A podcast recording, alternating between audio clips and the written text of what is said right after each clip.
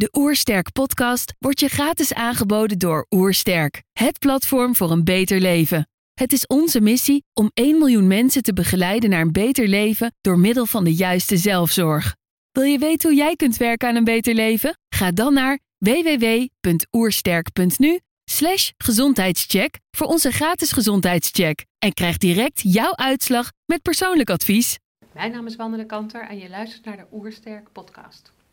Je hebt een druk bestaan en je wordt vaak geleefd. Je lijf en geest zoeken rust omdat je alles maar geeft. Goed nieuws, dit is jouw moment. Versterk je gezondheid en geluk met de lach. De rode loper ligt weer uit richting een stralende dag. Je voelt je oersterk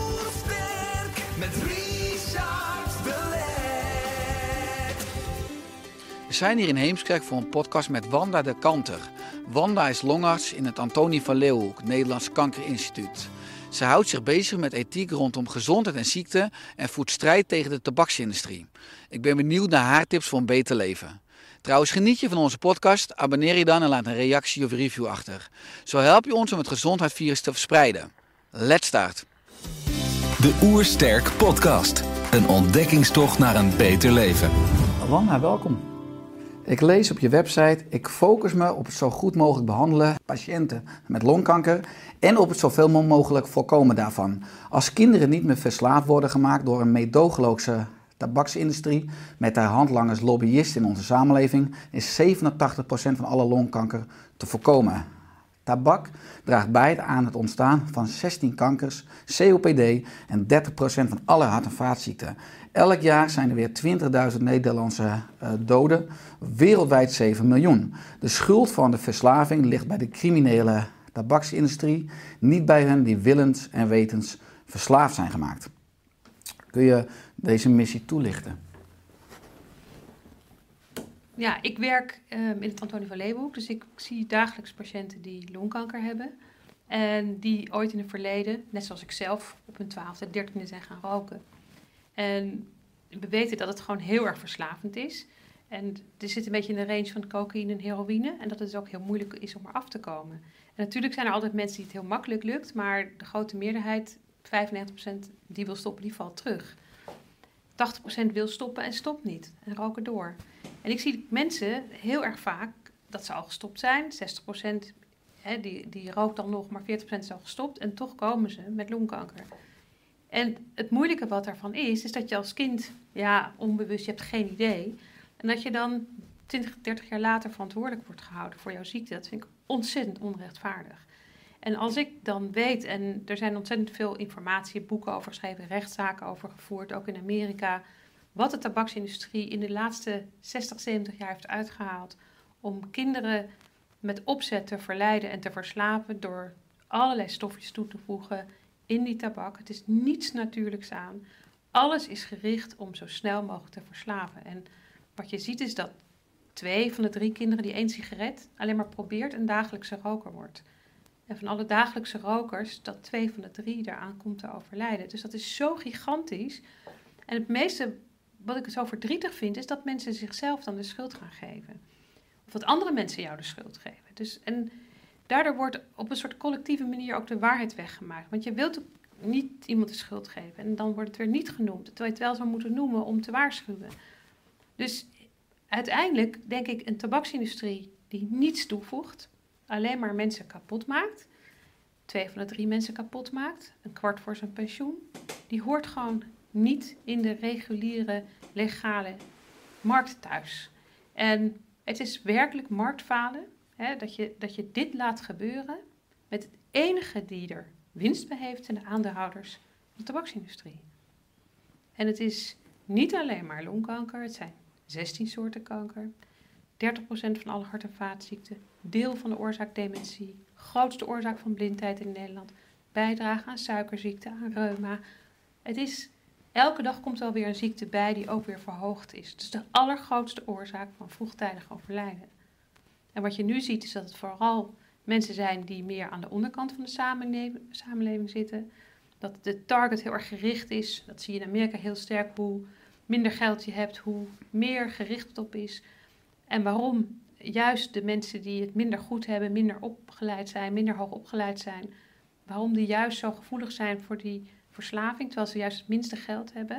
Dat is natuurlijk een hele complexe situatie.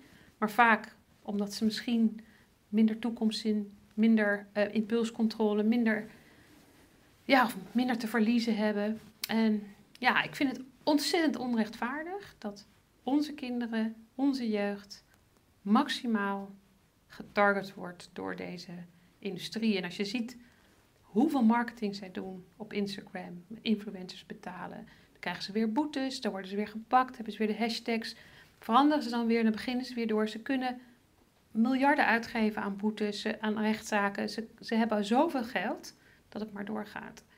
En zeker in deze tijden van corona, die we natuurlijk achter de rug hebben, als je ziet wat de industrie daar weer heeft uitgehaald aan marketing, aan gratis weggeven van mondkapjes met hun logo erop, aan beademingsmachines in landen waar tekort aan beademingsmachines was. Elke keer proberen ze weer op het veld van de public health te komen, van de dokters te komen. Proberen zich daarin te wurmen. En het is een extreem schadelijke, misdadige industrie. Ja, daar strijd je al jaren tegen. Ja. Uh, als ik eigenlijk je boodschap hoor, dan denk ik natuurlijk heel simpel. Uh, je zegt kinderen, 12, 13 jaar, die met een eerste sigaret in aanraking komen. Nou, mijn oudste zoon is, is 10. Uh, we moeten gewoon zorgen als volwassenen dat we een vitale leefomgeving voor onze kinderen creëren. Dat is eigenlijk misschien tot 18 jaar, maar je zegt het voegt eigenlijk in alle levensfasen niets toe. Uh, dat ze niet moeten kunnen roken. Nou, dat is een open deur. Want ik bedoel, zo simpel is het blijkbaar niet. Uh, in de Verenigde Naties, een manifest, staat ook dat kinderen het recht hebben om in, gezondheid op te groeien. kinderen hebben het recht op bescherming, lees ik ook op jouw website. Uh, dus dan is het misschien ook een open deur. Ik zeg, waar is de ethiek dan? Dat we dit blijkbaar allemaal als volwassenen en als industrie, als politiek, Den Haag, Brussel, dus blijkbaar toestaan. Ja, dat is een hele goede vraag. Het is, het is, kijk, 50 jaar geleden was er natuurlijk nog niet zoveel kennis, maar met de kennis van nu, met alles wat je weet, het is, ook, het is niet alleen maar het kinderen verleiden, maar het is ook de kinderarbeid. Hè. Het is de meeste grote oorzaak van kinderarbeid. Er is geen sigaret zonder kinderarbeid gemaakt. Die leefomstandigheden op die tabaksplantages, die kinderen worden ziek van de nicotine die door hun huid komt. Die kinderen die kunnen niet naar school, die krijgen pesticiden wat, wat gebruikt wordt. Op alle fronten worden kinderen misbruikt. Ehm, en dat het nu nog steeds als een soort normaal is, omdat het legaal is. En het, wat ik heel raar vind binnen dat ethisch denken is, als je nu iets ziet wat niet klopt, dan zeg je oké, nou verander ik dat. Vroeger was asbest heel legaal. Nou, ik heb vroeger heel lang in het Rode Kruis gewerkt natuurlijk veel bij Tata met asbest, hè, hoge temperaturen asbest, goede isolator. Ja, toen men erachter kwam dat dat kankerverwekkend was, borstvlieskanker, toen is dat, nu is dat verboden. Je kan natuurlijk iets produceren en dan op een gegeven moment dan zie je bij nader inzicht dat het kankerverwekkend is, dan haal je het van de markt. Het gekke is dat een product waar 60 kankerverwekkende stoffen in zitten, een sigaret, ligt gewoon bij Albert Heijn. En dat is volstrekt onethisch verantwoord. Als je ziet dat 60, 70% van de kinderen hun eerste sigaretten en hun volgende sigaretten bij een Albert Heijn of een andere supermarkt koopt. Dus zij dragen willens en wetens bij aan pakjes vol kankerverwekkende stoffen. Normaal gesproken in een voedingsproduct, als er iets kankerverwekkends in zit of alleen maar de zweem al heeft, dan, dan komt de Nederlandse Voedsel- en Warenautoriteit. Maar op een of andere briljante manier heeft de tabaksindustrie zich een eigen wet toegekend. De tabakswarenwet. En daar geldt dat kankerverwekkende niet meer. Dan wordt het ineens eigen keus. Dus als jij als kind um, cornflakes gaat kopen waar ineens blijkt dat er kankerverwekkende stoffen misschien in zitten, dan gaat het meteen de schappen uit.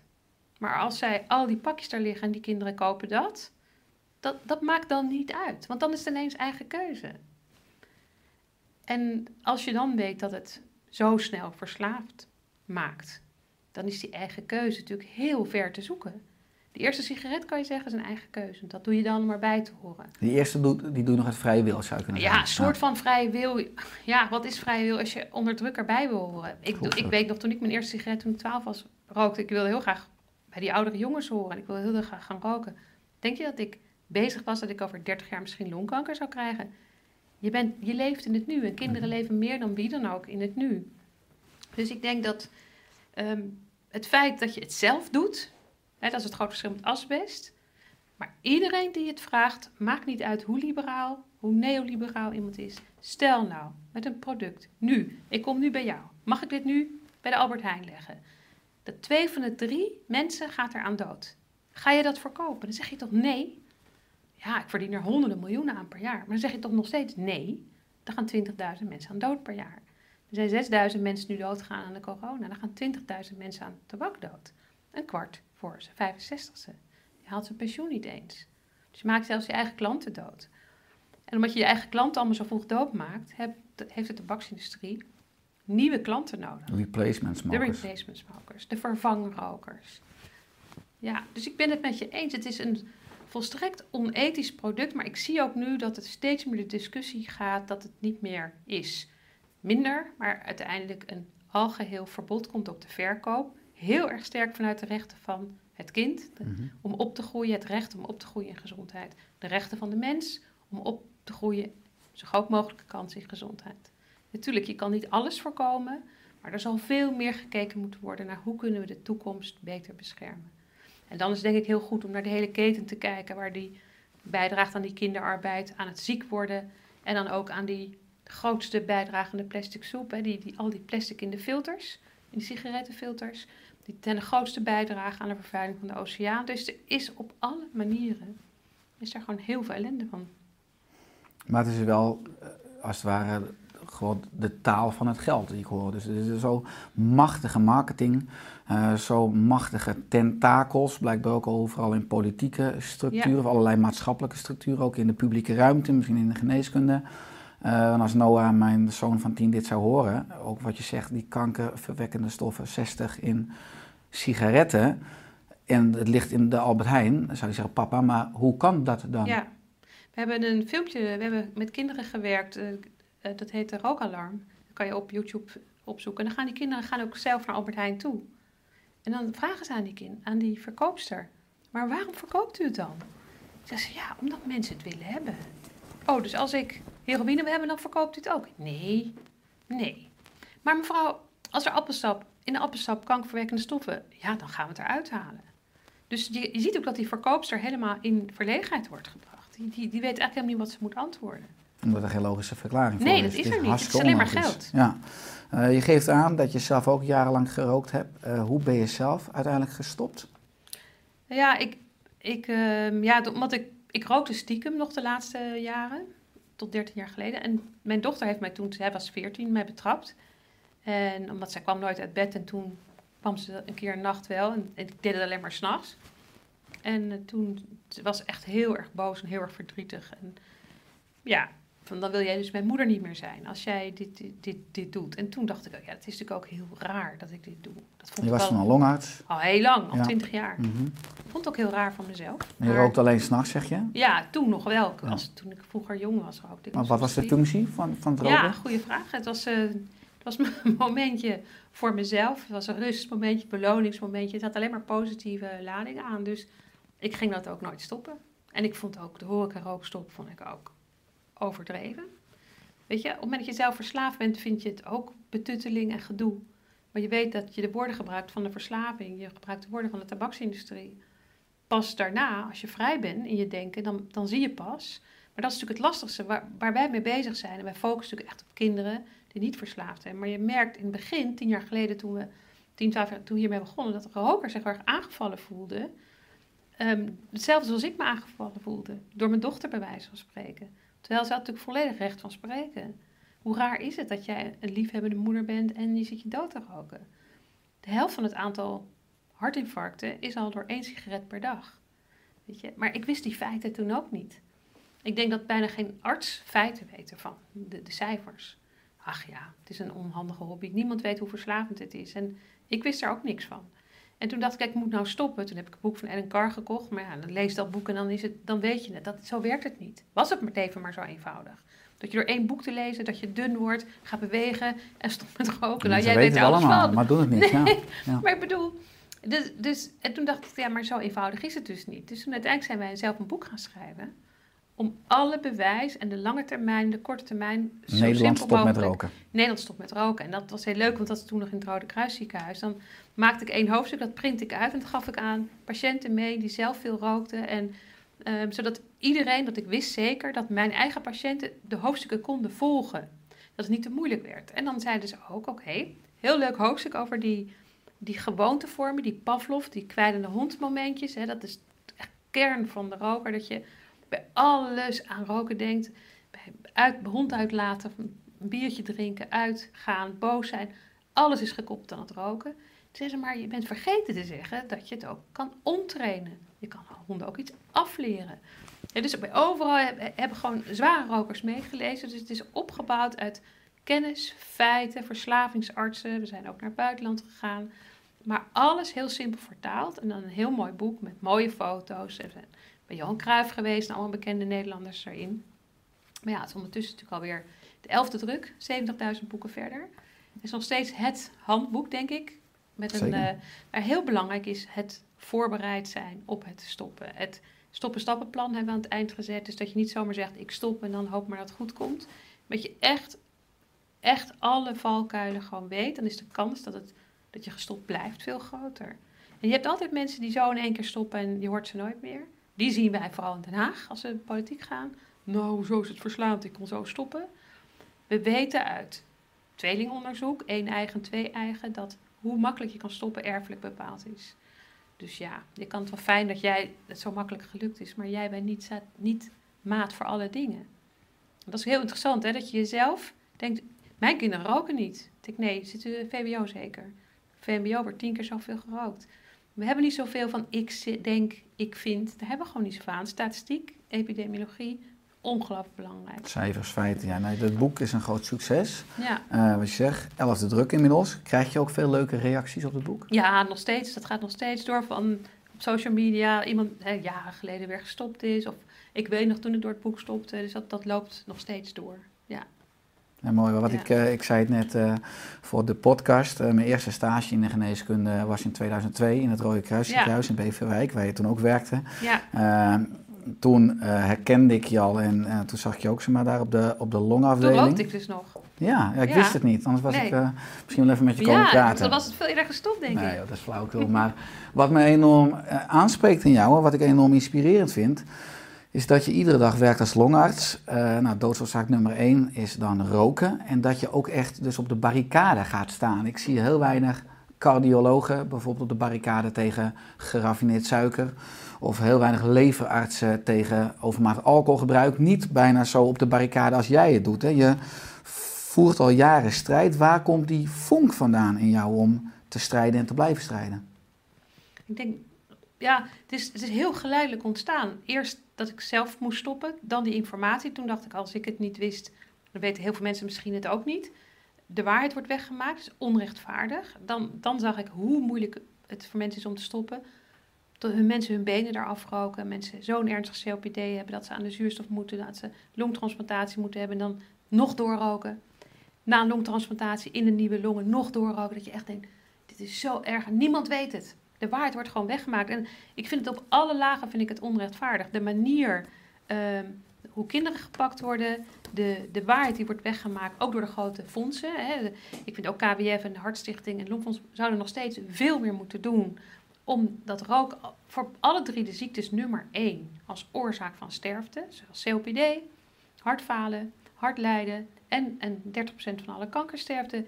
Dan denk ik, iedereen moet campagnes gaan voeren, moet laten zien. Want we zeggen wel, er zijn campagnes, maar ze zijn er al tien jaar niet. We zeggen wel, mensen weten alles. Dat is niet waar. Nederland staat van 180 landen, onderaan het lijstje qua kennis. We weten helemaal niet zo over al die gevolgen.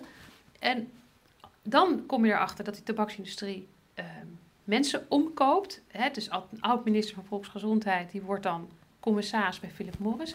Denk, wacht even, iemand die in Den Haag waanzinnig netwerk heeft, in de Volkskrantlijstjes altijd nummer 1 staat, die wordt dus nu commissaris bij Philip Morris. Hoezo? Jij was minister van Volksgezondheid. Wat denk jij? En dat is natuurlijk niet de enige. Er zijn een heleboel belangrijke mensen commissaris geworden bij de tabaksindustrie. Dat zijn dan de zichtbare mensen. We weten dat grote culturele instellingen worden gesponsord door de tabaksindustrie. Een voorleesclub voor mensen die analfabeet zijn wordt gesponsord door Japanese Tobacco Industry. Weet je, overal waar belangrijke mensen zijn, koningshuis is, waar oud-politici zijn, daar is de tabaksindustrie ook. En elke keer dan kijk je weer naar die lobbyisten. Als ze allemaal rond de Tweede Kamer zo'n beetje hun kantoor hebben. Ze zullen niet alleen tabak doen, maar er zit altijd, tabak zit er snel bij. Nou, dat, dat, zijn mensen die politieke partijen vertegenwoordigen, die ook tabakslobbyist zijn, maar die ook in ziekenhuizen komen. Dan zeggen, joh, ik zou wel voor jou iets willen doen, ziekenhuis. En dan gaan ze even op onze website kijken van Tabak Nee. daar hebben we onderzoeksjournalisten. En dan vind je, die, kan je die namen zo terugvinden van, nou sorry, we gaan niet met jou in zee. We gaan niet in het ziekenhuis met jou werken als jij tabakslobbyist bent. Langzamerhand, zie, ik weet het wel.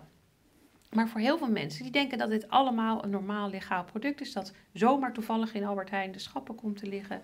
Maar wat daar allemaal bij komt kijken, hoe dat daar komt, dat niemand, dat er ongelooflijk wordt gepusht dat het niet duurder wordt.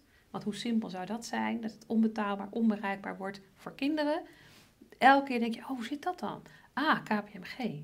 Dus even kijken naar het rapport van de KPMG. KPMG heeft een rapport gemaakt voor Philip Morris. We vragen de cijfers op.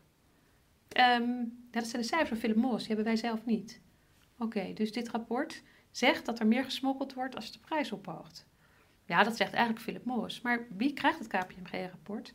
De premier, ministerie van Financiën. Terwijl wij een rechtszaak hebben gedaan om te laten zien dat overheden mogen geen contact hebben met de tabaksindustrie. Maar zij lezen voor uit het KPMG-rapport. Die in opdracht van Philip Morris voor heel veel geld dat rapport doet. En daardoor gaat structureel de accijnzen niet omhoog. Niets komt door zomaar dingen. En, en dus waarom ga ik er zo mee door? Omdat elke keer als ik denk, en nu ben ik er helemaal klaar mee. Want, want ja, rokers zeggen, laat maar zitten, ik rook lekker door. En, en, en uh, waar doe ik het dan voor? Mensen, ja, ik denk, mijn werk is natuurlijk... Um, elke keer als ik weer een patiënt, een nieuwe patiënt met longkanker daar zit... die 20 jaar te jong is, die 40 is, 45 is...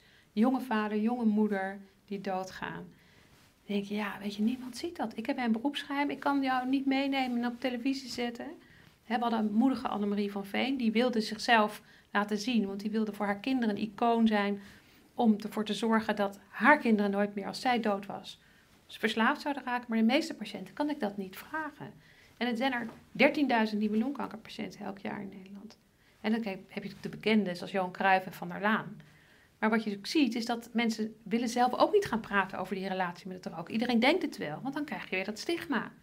En wat nu dan gebeurde in die coronatijd, waarbij uitgelezen moment was om te zeggen: jongens, nu stoppen met roken. Sterk verhoogt de kans om corona te krijgen in een ernstige vorm bij rokers. Ja, dat heeft de overheid en Trimbos niet opgepakt, omdat ze bang waren om dan het stigma van die roker op IC te vergroten. He, je hebt zo'n Jort Kelder die zegt, ja, ik ga toch niet uh, al die lockdown doen voor de dikke rokende mensen. Dat is zo'n vernederende opmerking. Maar dat soort opmerkingen, die, die, die leiden ertoe dat de overheid geen campagnes doet in de tijden van corona. Terwijl dat was natuurlijk een prachtig moment geweest om aan gedragsverandering te werken. Zowel bewegen, een beetje lastiger in lockdown, maar het kon natuurlijk wel, omdat het een intelligente lockdown was naar je voeding kijken, naar alcohol kijken en dan roken te stoppen. Dan heb je tenminste ook een tool in handen om wat te doen. We hebben ze laten liggen. Ja, maar het stigma is dus ook dat het lijkt, was opmerking van Jot Kelder, dat het echt het probleem van het individu is. Ja. Maar het is het probleem van de publieke eigen. Het is dus het probleem gebrek aan ethiek, waardoor iemand uiteindelijk dus de verkeerde dingen rookt, eet, drinkt, omdat eigenlijk alle onze instincten door de industrie vermarkt worden en eigenlijk gekaapt worden voor hun windcijfers eigenlijk.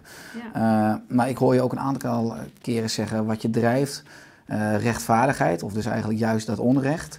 Heb je altijd al, ook als kind al, zo'n sterk rechtvaardigheidsgevoel gehad? Ja, ik heb wel altijd, wel, ik, ik herinner me altijd dat ik sommige dingen niet eerlijk vind. Of als, als een kind gepest wordt in de klas, dat je, dat je hmm. achter, juist achter die persoon, dat je uh, het, het...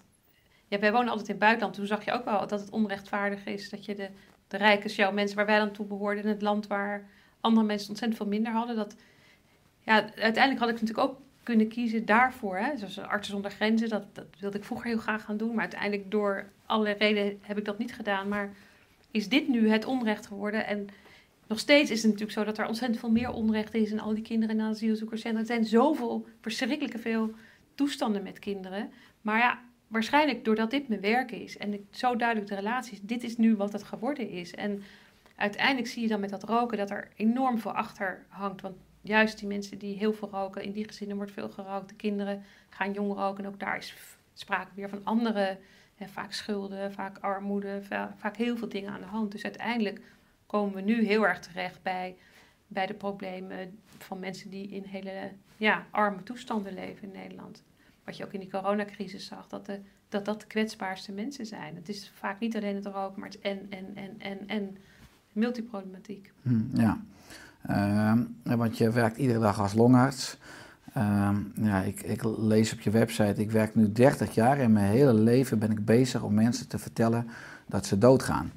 Ehm, nou, longarts heeft natuurlijk vele, eh, het is een enorm divers vak, laat ik het zo zeggen. Wat vind je uiteindelijk het, het mooiste aan je vak? Wat is dus, waardoor weegt het, eh, wat geeft je uiteindelijk veel energie, waardoor je ook iedere dag tegen die mensen kan blijven zeggen dat ze doodgaan? Want ik zou zeggen, als ik dat lees, dan zou ik zeggen, nou, dat hou je dus niet 30 jaar vol.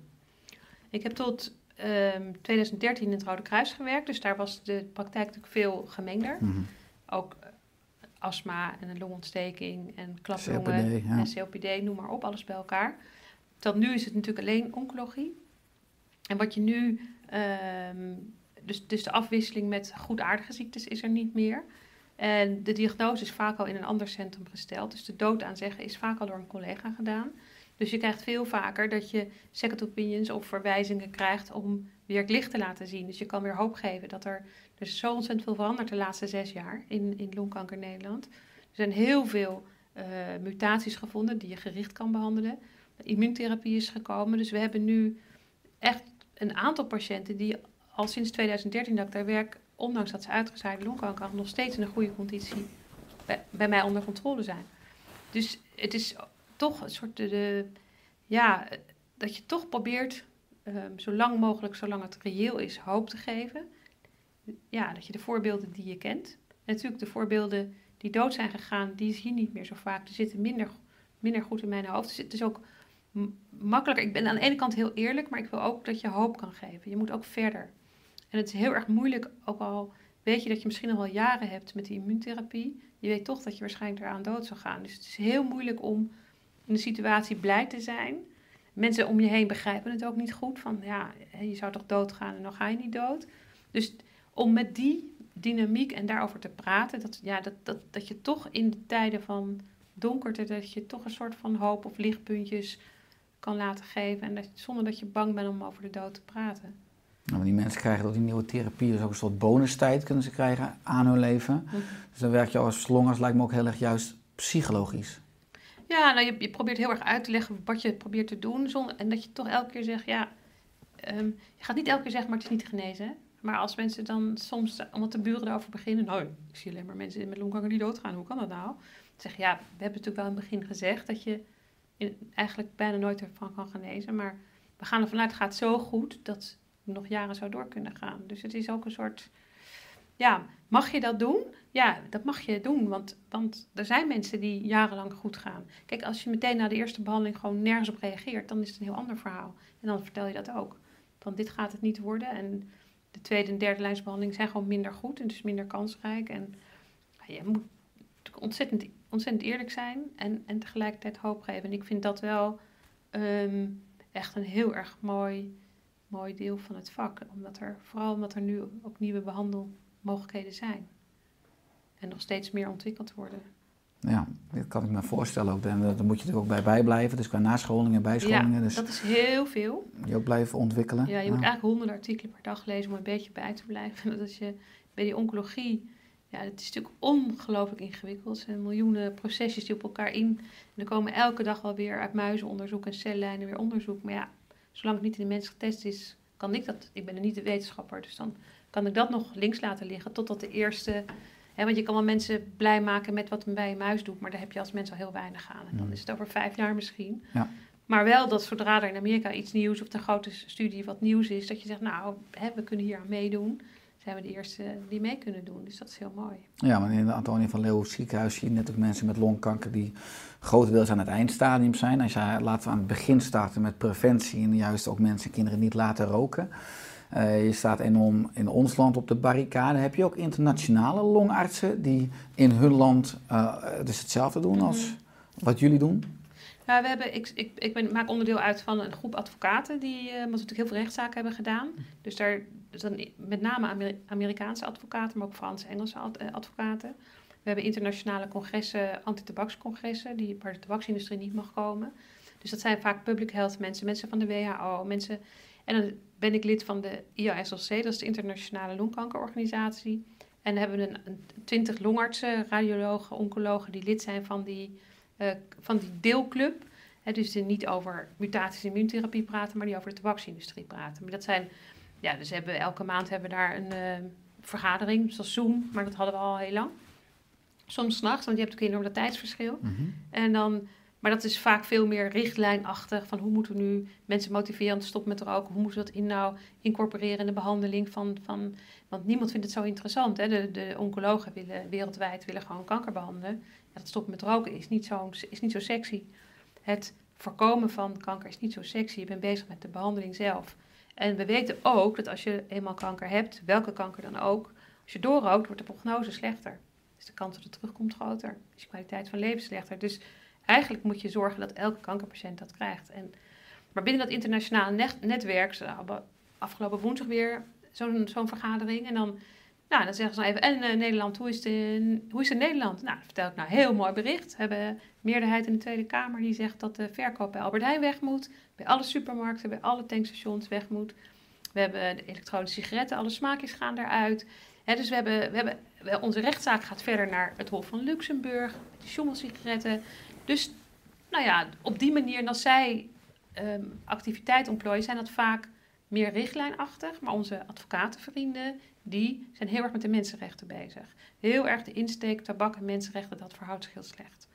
En mensenrechten, of rechten van het kind en gezondheid op te groeien. Dus daar, daar hebben we internationaal heel veel. Uh, we hebben ook aparte Facebookgroepen en zo. Dus we hebben heel veel contact internationaal. Ik weet elke dag overal wat er een beetje wat er gebeurt. Ja. Als er dan weer een rechtszaak gewonnen is in, in Australië, dan weet je dat. Ja, ja want uh, je geeft zelf aan dat uh, voor jou een uh, kantelpunt is geweest toen je dochter je betrapte toen je ja. zomaar s'nachts rookte.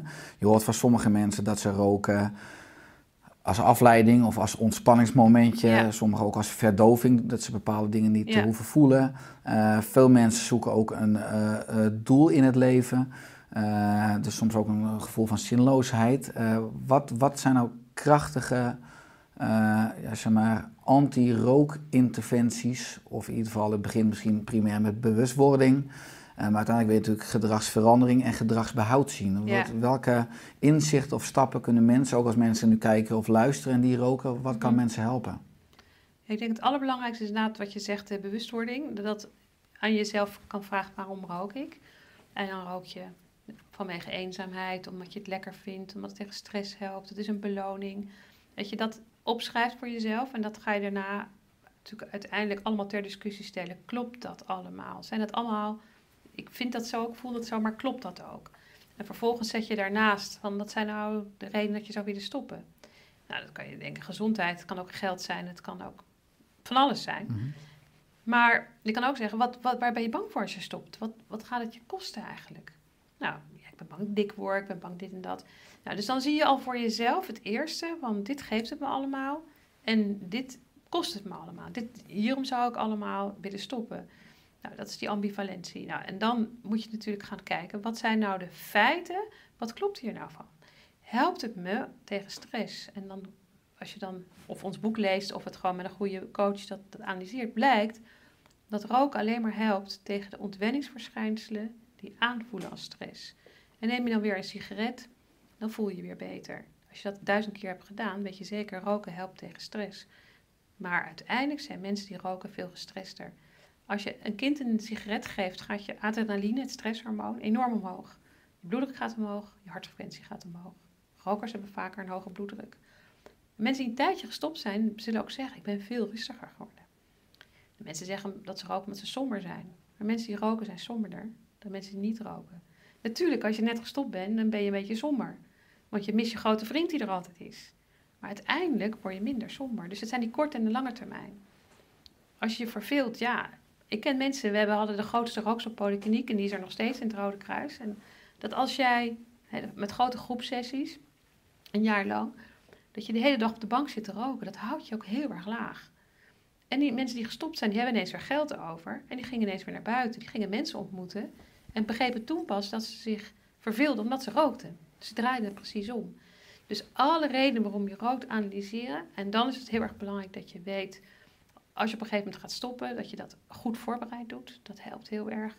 Dat je kijkt hoe andere mensen dat deden. Dat je tegen iedereen zegt dat je alles weggooit. Dat je een stopdatum plant. Dat je vraagt om iemand je te begeleiden. Een vriend, een buddy, een huisarts, een praktijkonderstoom, rookstoppolykliniek. Nou, noem het op. Een vangnet. dan. Een vangnet. Ja, en dat je jezelf gaat belonen. Dat je je mensen om je heen vraagt, beloon mij. Want, het, ja, want sigaret staat heel erg voor beloningscentrum. Dus je gaat je beloning missen. Die dopamine shotjes moet je Precies. vervangen. Ja, want ik, ik was op je website en toen ging ik vanaf je website ook naar een aantal audiofragmenten op de website van het Rode Kruis ziekenhuis, waar jullie ook zeg maar, voor mij in een groep bezig waren waar mensen willen stoppen met roken. En dan moesten mensen ook een cijfer geven aan de wil om te stoppen met roken. Ja. Nou, en een vrouw gaf dat een, eh een 6-7. Mhm. En die gaf aan dat eh, roken vooral eh, voor haar veel betekende zeg maar, na een scheiding. Eh, maar aan de andere kant kostte het 2000 euro per jaar, wat dan weer een pijnpunt was. Dus het verslavingsmechanisme in onze fysiologie is misschien hetzelfde, maar alle verhalen die uiteindelijk daarop aanklikken, die zijn anders. En dat komt natuurlijk ook ter sprake in de groep. En we zijn natuurlijk ook groepsdieren, veranderen samen of iets anders doen is natuurlijk veel krachtiger in de groep dan Ja. alleen, kan ik me voorstellen. Zeker Nou ja. als je in een context zit waar misschien mensen om je heen juist wel roken en zeggen, ah kom op, eh, Ja. ja, we hebben vorig jaar ook een week in het Stoptoberhuis meegezeten. Dat is ook heel goed om mee te maken wat er letterlijk gebeurt. Dan rook je met z'n allen rook je, je laatste sigaret op. En daarna, die derde dag, is het heftigste dat mensen slaapstoornissen krijgen, irritatie krijgen en gaan zweten. Dat ze echt van die, iedereen heeft dat een beetje. Echt, wow, die lichamelijke kant, dat is ook wat.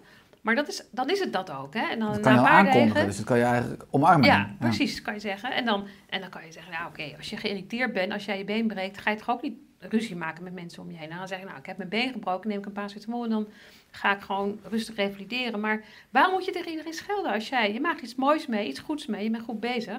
Dus je kan dan leren hoe, mensen, hoe je niet gaat schoppen. Je kan ook leren dat die hunkeringen die alsmaar blijven komen, zin om te roken, dat die gaan uitdoven.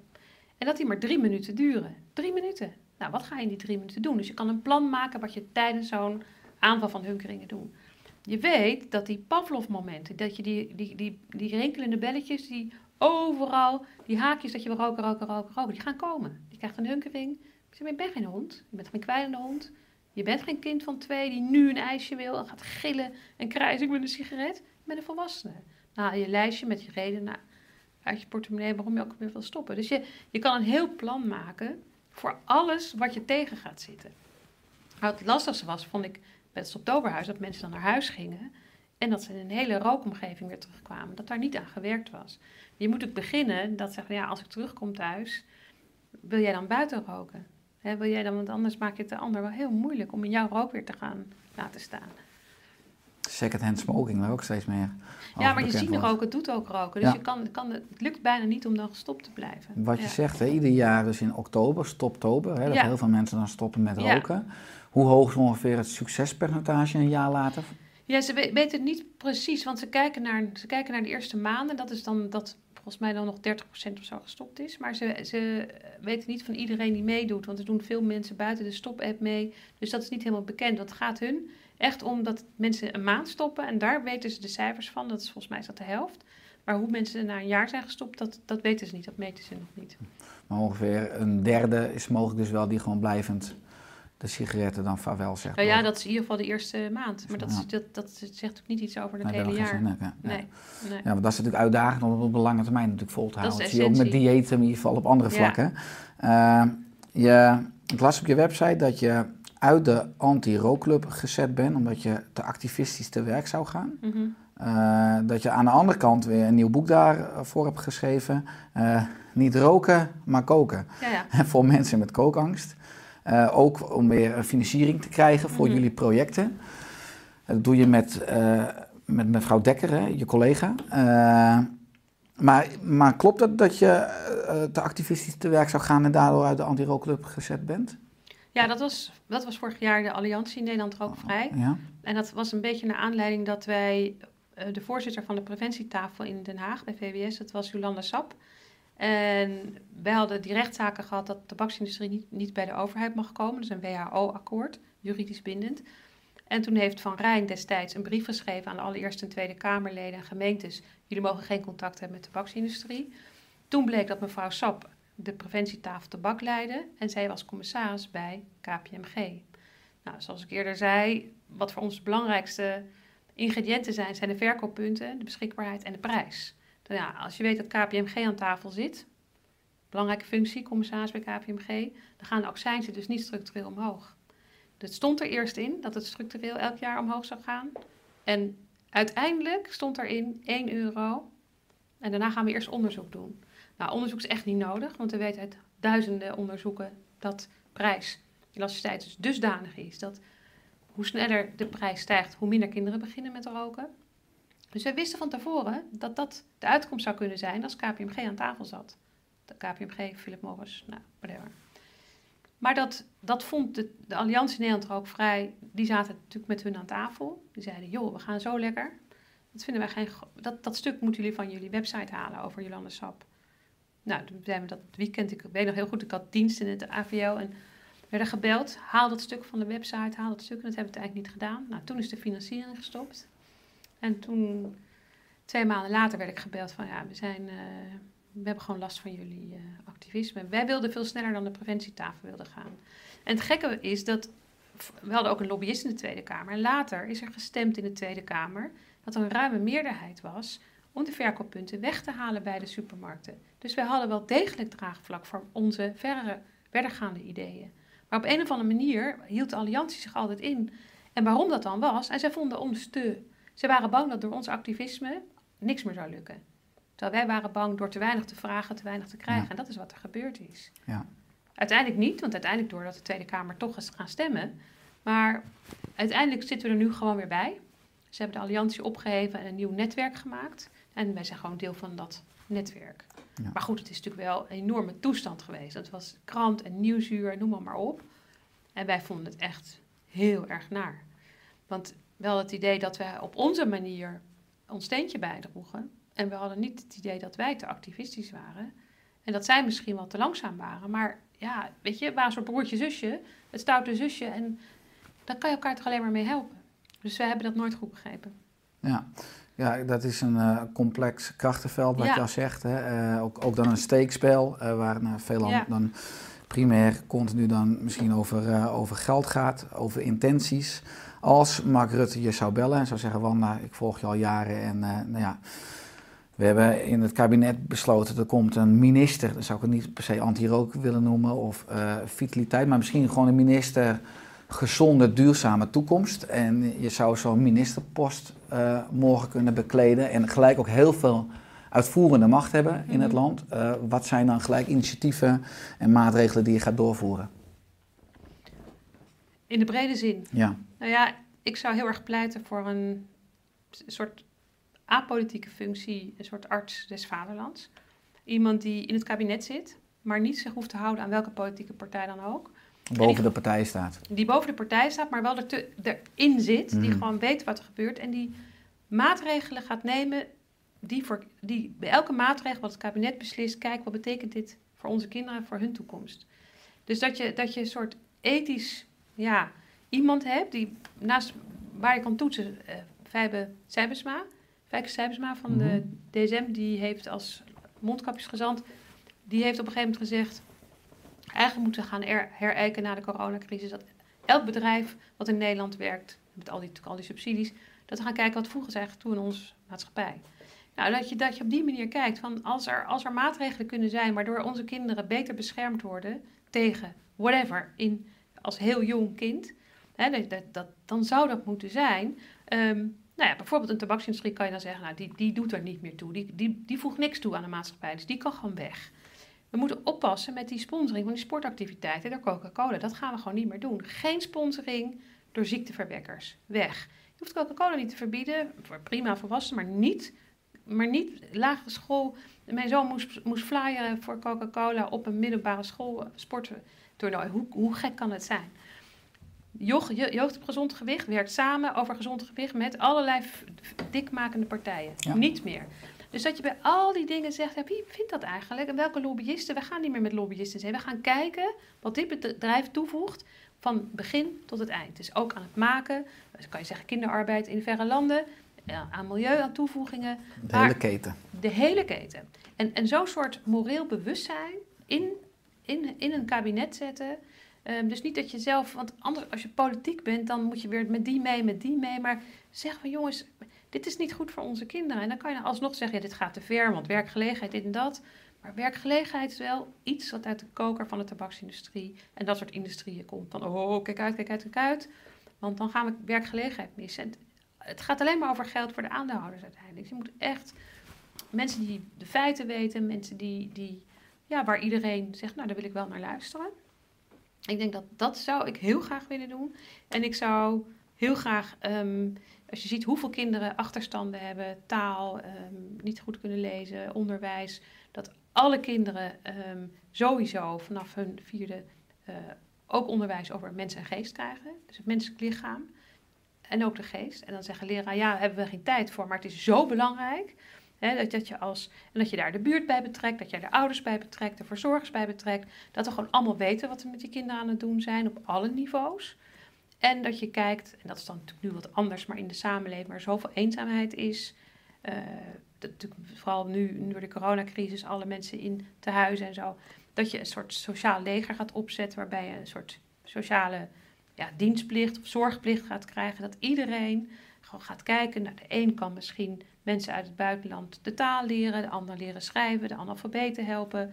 Verzorgingshuizen, mensen gaan voorlezen, mensen die blind zijn gaan voorlezen. Nou, je kan het verzinnen, maar dat, dat we veel meer participatie gaan krijgen in, in de maatschappij. Van, eh, om te zorgen dat we meer, meer oog hebben voor elkaar. Letterlijk dus samenwerken. En ook Ja. veel meer werken, ieder mens vanuit je ethisch-morele kompas. Ja. Want uiteindelijk kan je natuurlijk afvragen hoe zo'n topbestuurder van zo'n sigarettenfabrikant eigenlijk rustig kan gaan slapen. Ja. Met alle data en wetenschappelijke publicaties die gewoon al op tafel liggen. Het is Ja. niet meer een hypothese of het ongezond is Nee. of slecht voor je is. Maar dat je letterlijk nou ja, die salarisstrook iedere maand met een gerust hart kan accepteren. eh, nou ja, dat is Dat is ook verslavend. ook wonderbaarlijk. Als je, als je twee, ton per jaar, twee ton per maand krijgt, eh, dat, dat, dat verslaaft ook. Dat zijn gouden handboeien dus dan, eh, Ja. die ik dan om heb. Ja. ja. Eh, nou ja, ik ben enorm blij dat je in onze podcast bent. Je bent namelijk twee keer vrouw eh, in de media geworden. In 2018 werd je samen met Benedicte Fiek de meest invloedrijke vrouw in de Opzij Top 100. En in 2019 was je te gast eh, in het programma Zomergasten, wat mij enorm eh, eer lijkt. Eh, wat heeft deze aandacht in de media je gebracht? Want het lijkt me iedere keer natuurlijk een mooi podium. Nou, dat ik hier zit. Ja, dat. Dankjewel. Ja, toch? Ja, ja. Ja, nee, het, heeft. ehm, ehm, kijk, PR op zich is natuurlijk geen doel, of media is geen doel. Maar het mooie is dat je daardoor wel met ontzettend veel meer mensen kan spreken. Dat je nog veel meer wordt uitgenodigd voor grote congressen, ehm, ja, podcast, noem maar op. En dat je overal weer je verhaal kan vertellen. En dat er steeds meer mensen bereikt worden. Dat ik in het begin die gekkie was samen met Pauline en ik, weet je wel, die gekke loemartsen, wat doen ze nou? Twaalf jaar geleden. Maar langzamerhand is het verhaal zo aan het veranderen. En langzamerhand komt er echt een ruimte voor dat tabak de wereld uitgaat. En dat we beter moeten zorgen dat wij, ja, omdat we het al zo lang volhouden en zoveel podium hebben gekregen, dat wij wel serieus worden genomen op dit moment. Dat denk Mhm. ik wel. Ja, dus dat, daar heb je ook eigenlijk al die jaren voor nodig gehad. Maar zeker ook met die prijs is natuurlijk ook een mooie erkenning. Ja. Van, ik was erbij van al het bloed, zweet en tranen. En dat ge- gepassioneerde doorpakken.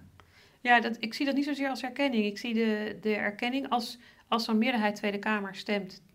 Gewoon weg bij Albert Heijn. Dat, dat, dat Ik vind ik erkenning. Ja, in de media heb je eigenlijk nog niets. Je moet uiteindelijk moet, moet Ja, besloten worden in Den Haag. de Ja. beslissing moeten genomen worden. Maar uiteindelijk eh, komt er op een gegeven moment een druppel die de emmer eh, doet ja, overlopen. dat, lijkt nu wel te gaan beginnen. Ja. Ja. Ehm, je bent getrouwd, eh, je hebt drie kinderen. nou, je hebt allerlei activiteiten die je hier al een beetje aangeeft. Ook met wat je zegt met nascholing, bijscholing, de publicaties die iedere dag weer uitkomen. Hoe hou je balans en voldoende ontspanning in je eigen leven? Nou, corona heeft wel geholpen. Al mijn lezingen weer verbieden in één keer. Lekker, ja. Dat is, eh, dat is een eh, voordeel. heel rustig. Ja. Maar ik bedoel, dan heb je misschien in zo'n coronatijd ook weer tijd voor reflectie, het juiste perspectief. Eh, wil ik straks weer in deze trein stappen? Ga ik het misschien toch een beetje anders doen? Ja, nee, zeker.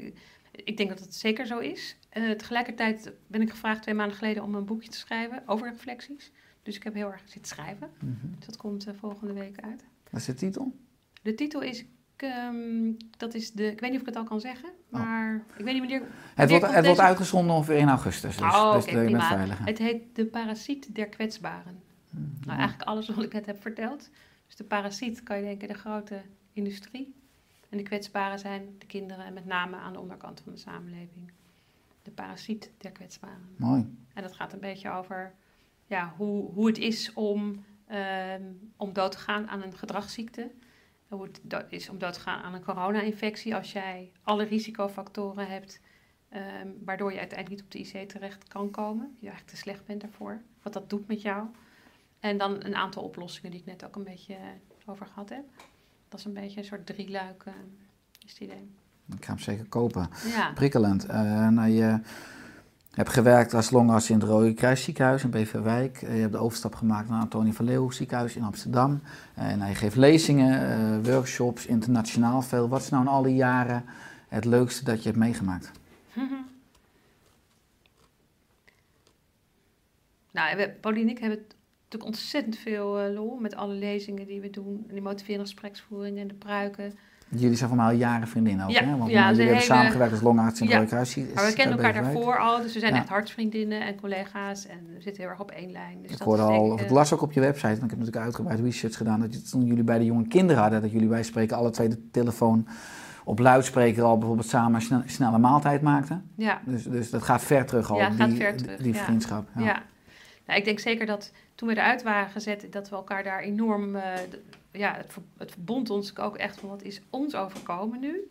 En dat was een hele nare tijd. En toen hebben we dat omgezet in dat kookboek. We konden allebei helemaal niet koken. Vooral omdat we niet durfden. En dus we zijn het gewoon gaan doen voor, voor groepen mensen die recepten moesten inleveren. En dan hadden we echt geen idee wat we gingen maken. We printen het uit ochtends en we gingen het gewoon maken. Die mensen kwamen s'avonds. Nou, dat waren natuurlijk gouden avonden. Want we waren de hele dag aan het koken. Hadden een week vakantie genomen. Nou, mijn zwager was fotograaf. Maar dat waren zulke fantastische avonden. We konden vertellen wat, waarom we deden. Dat we geld nodig hadden voor onze stichting. Rookpreventie, jeugd. En, ja, en dan, ja, iedereen ging aan elkaar allerlei verhalen vertellen. Ontboezemingen doen. Het waren hele heftige avonden. Maar dat was, een hele, dat was toch een hele mooie tijd. Er kwam uit iets heel naars. kwam er toch ook weer iets moois.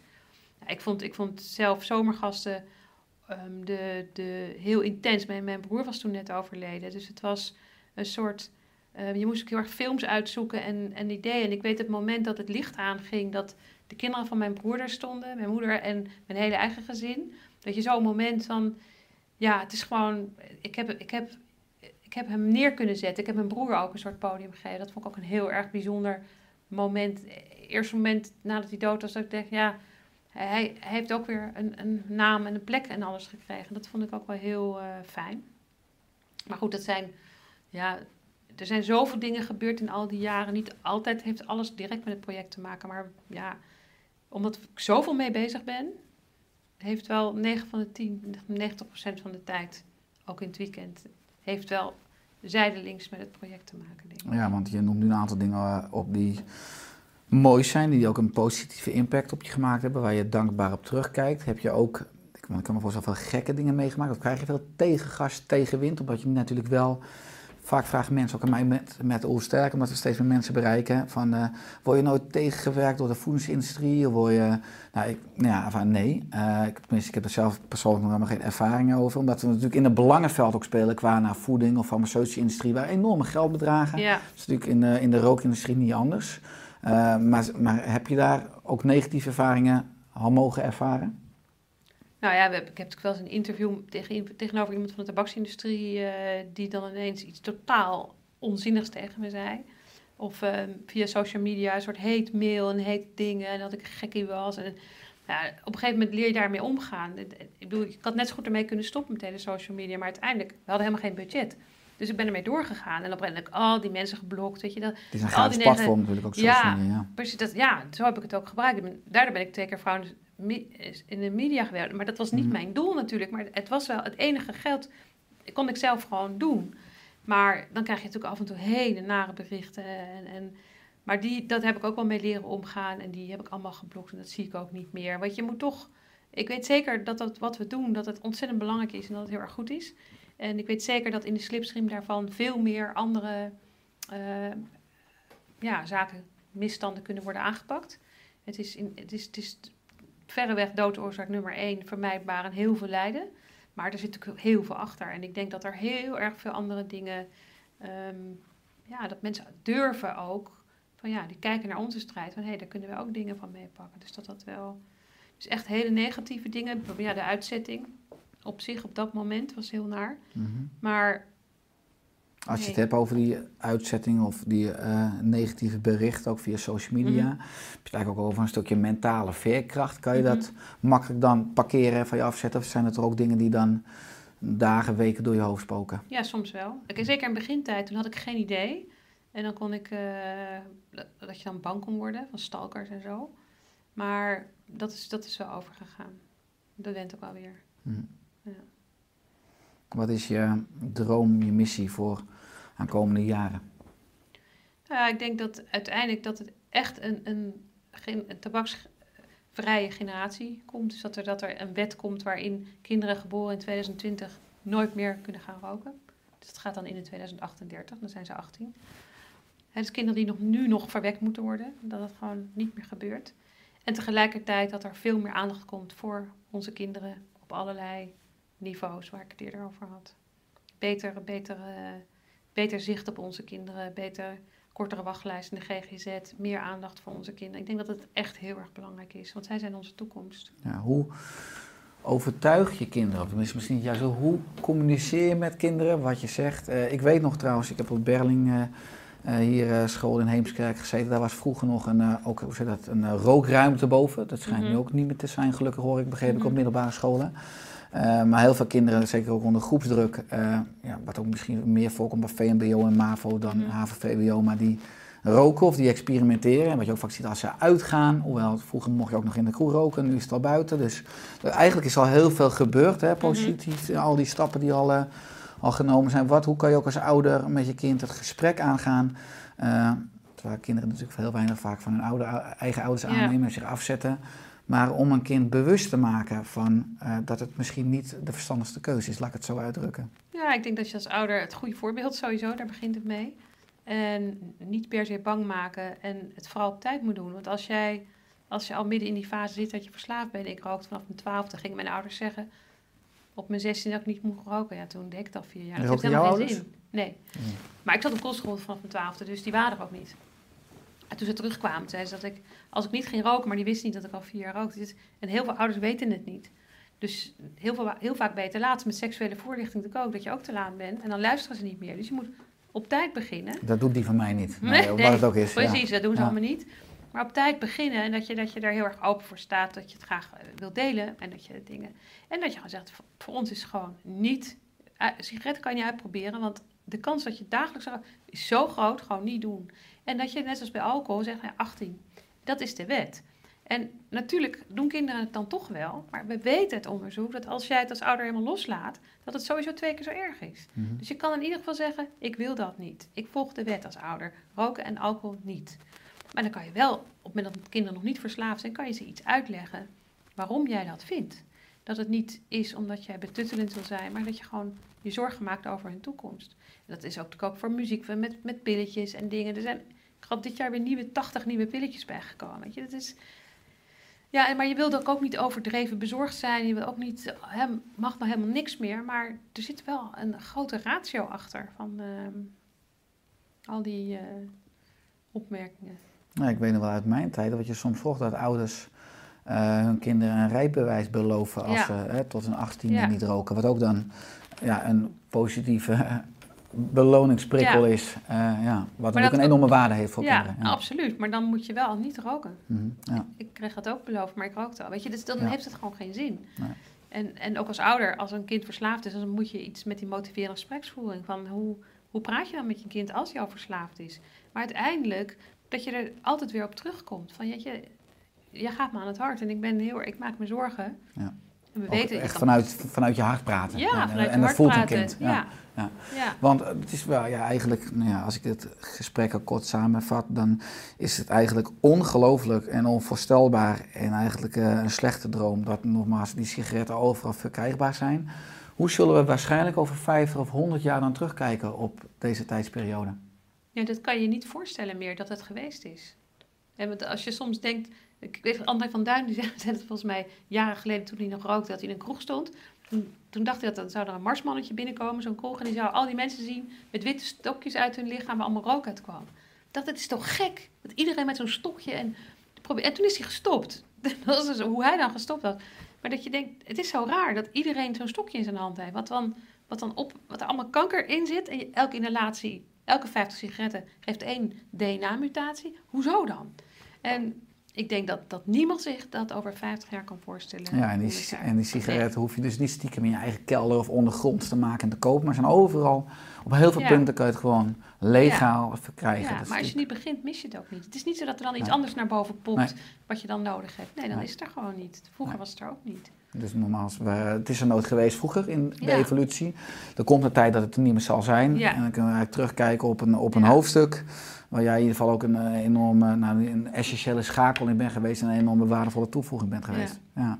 Wat zou je aan het einde van de podcast, of is er nog iets wat je graag zou, zou willen toevoegen? Nou ja, dat heel veel mensen natuurlijk zeggen, je, je wil wel heel graag en, en, en het lukt dan niet. Hè? De, de, het vlees is zwak, de wil is zwak. Hoe, hoe, moet ik dat, hoe moet ik dat nou toch doen? En dat, dat het soms helpt om jezelf in de toekomst te zien. Over hoe zie je jezelf over een jaar, of over vijf jaar, over tien jaar. Dat dat soms helpt om jezelf te visualiseren in een soort oudere rol. Zou ik dan nog steeds willen roken? Zou ik nog steeds zo dik willen zijn? Of zou ik het eigenlijk misschien ook wel prettig vinden om mezelf te zien als een iets slankere versie van mezelf, die aan het lopen is, of die aan het roeien is, of die, en die in ieder geval niet aan het roken is. En eigenlijk welke, welke voorkeur? Of zie ik mezelf als een dik mannetje met een pakje gouloirs op de bank zitten over tien jaar, misschien een beentje eraf. Hoe, hoe zie ik mezelf in de toekomst? Dat je zelf gunt om te kijken in de toekomst. Hoe, hoe kom ik daar dan? En moet dat, dat hoeft niet allemaal morgen. Maar kan ik dan vandaag beginnen? Vandaag is de eerste dag van de rest van je leven. Dat je een soort project maakt voor jezelf, waardoor je uiteindelijk blijer wordt van jezelf in de toekomst. En dat je nu, als je hierin blijft doorgaan, dat je, dat je uiteindelijk misschien wel in het nu lekker zitten, niks doen, roken, drinken, eten. Maar dat je straks daar last van gaat krijgen. En wat kan je nu alvast doen om in kleine stapjes te komen bij je andere zelf? Ja, ik denk dat dat. is- Je bent een project eigenlijk. Ja, absoluut. Ik zeg zelf altijd, het leven is niet maakbaar, maar wel stuurbaar.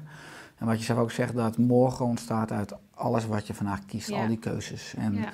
Dat je daar wel, nou, de, de wetenschap zegt epigenetica, maar dat je letterlijk daar macht hebt. Dus of je wel rookt of niet rookt, wat je eet, hoe je ontspant, eh, welk doel je hebt, maar ook letterlijk of de keuzes die je vandaag maakt, dus aansluiten bij dat plaatje, hoe, hoe vitaal je dus in de toekomst wilt Ja. zijn. En, En ik, ik denk niet dat het dat gezondheid of lichaam alleen is. Hè. Het gaat ook heel erg over de geest. absoluut. Als jij dat lichamelijk minder interessant vindt en, en, en sporten en al dat soort dingen, zoek iets anders of fiets een stukje of doe andere dingen.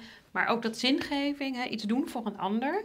eh, je weten we uit duizenden jaren onderzoek van iedereen, iets doen voor een ander, word je ook blijer van. Ja. Dan, word je, dan word, je, word je net ietsje gelukkiger van. Dus als je kijkt hoe andere mensen dat doen, hoe die voor anderen zorgen, alleen maar met jezelf bezig zijn, navelstaren, vragen, wees geïnteresseerd in mensen. Ik denk dat dat ook, dus de lichamelijke en de geestelijke kant, in hele kleine stapjes, dat je net ietsje gelukkiger kan worden. Ja, we zijn groepsdieren, we hebben elkaar nodig. Ja, Waar kunnen mensen meer over jou, over je mooie activiteiten, over je boeken vinden?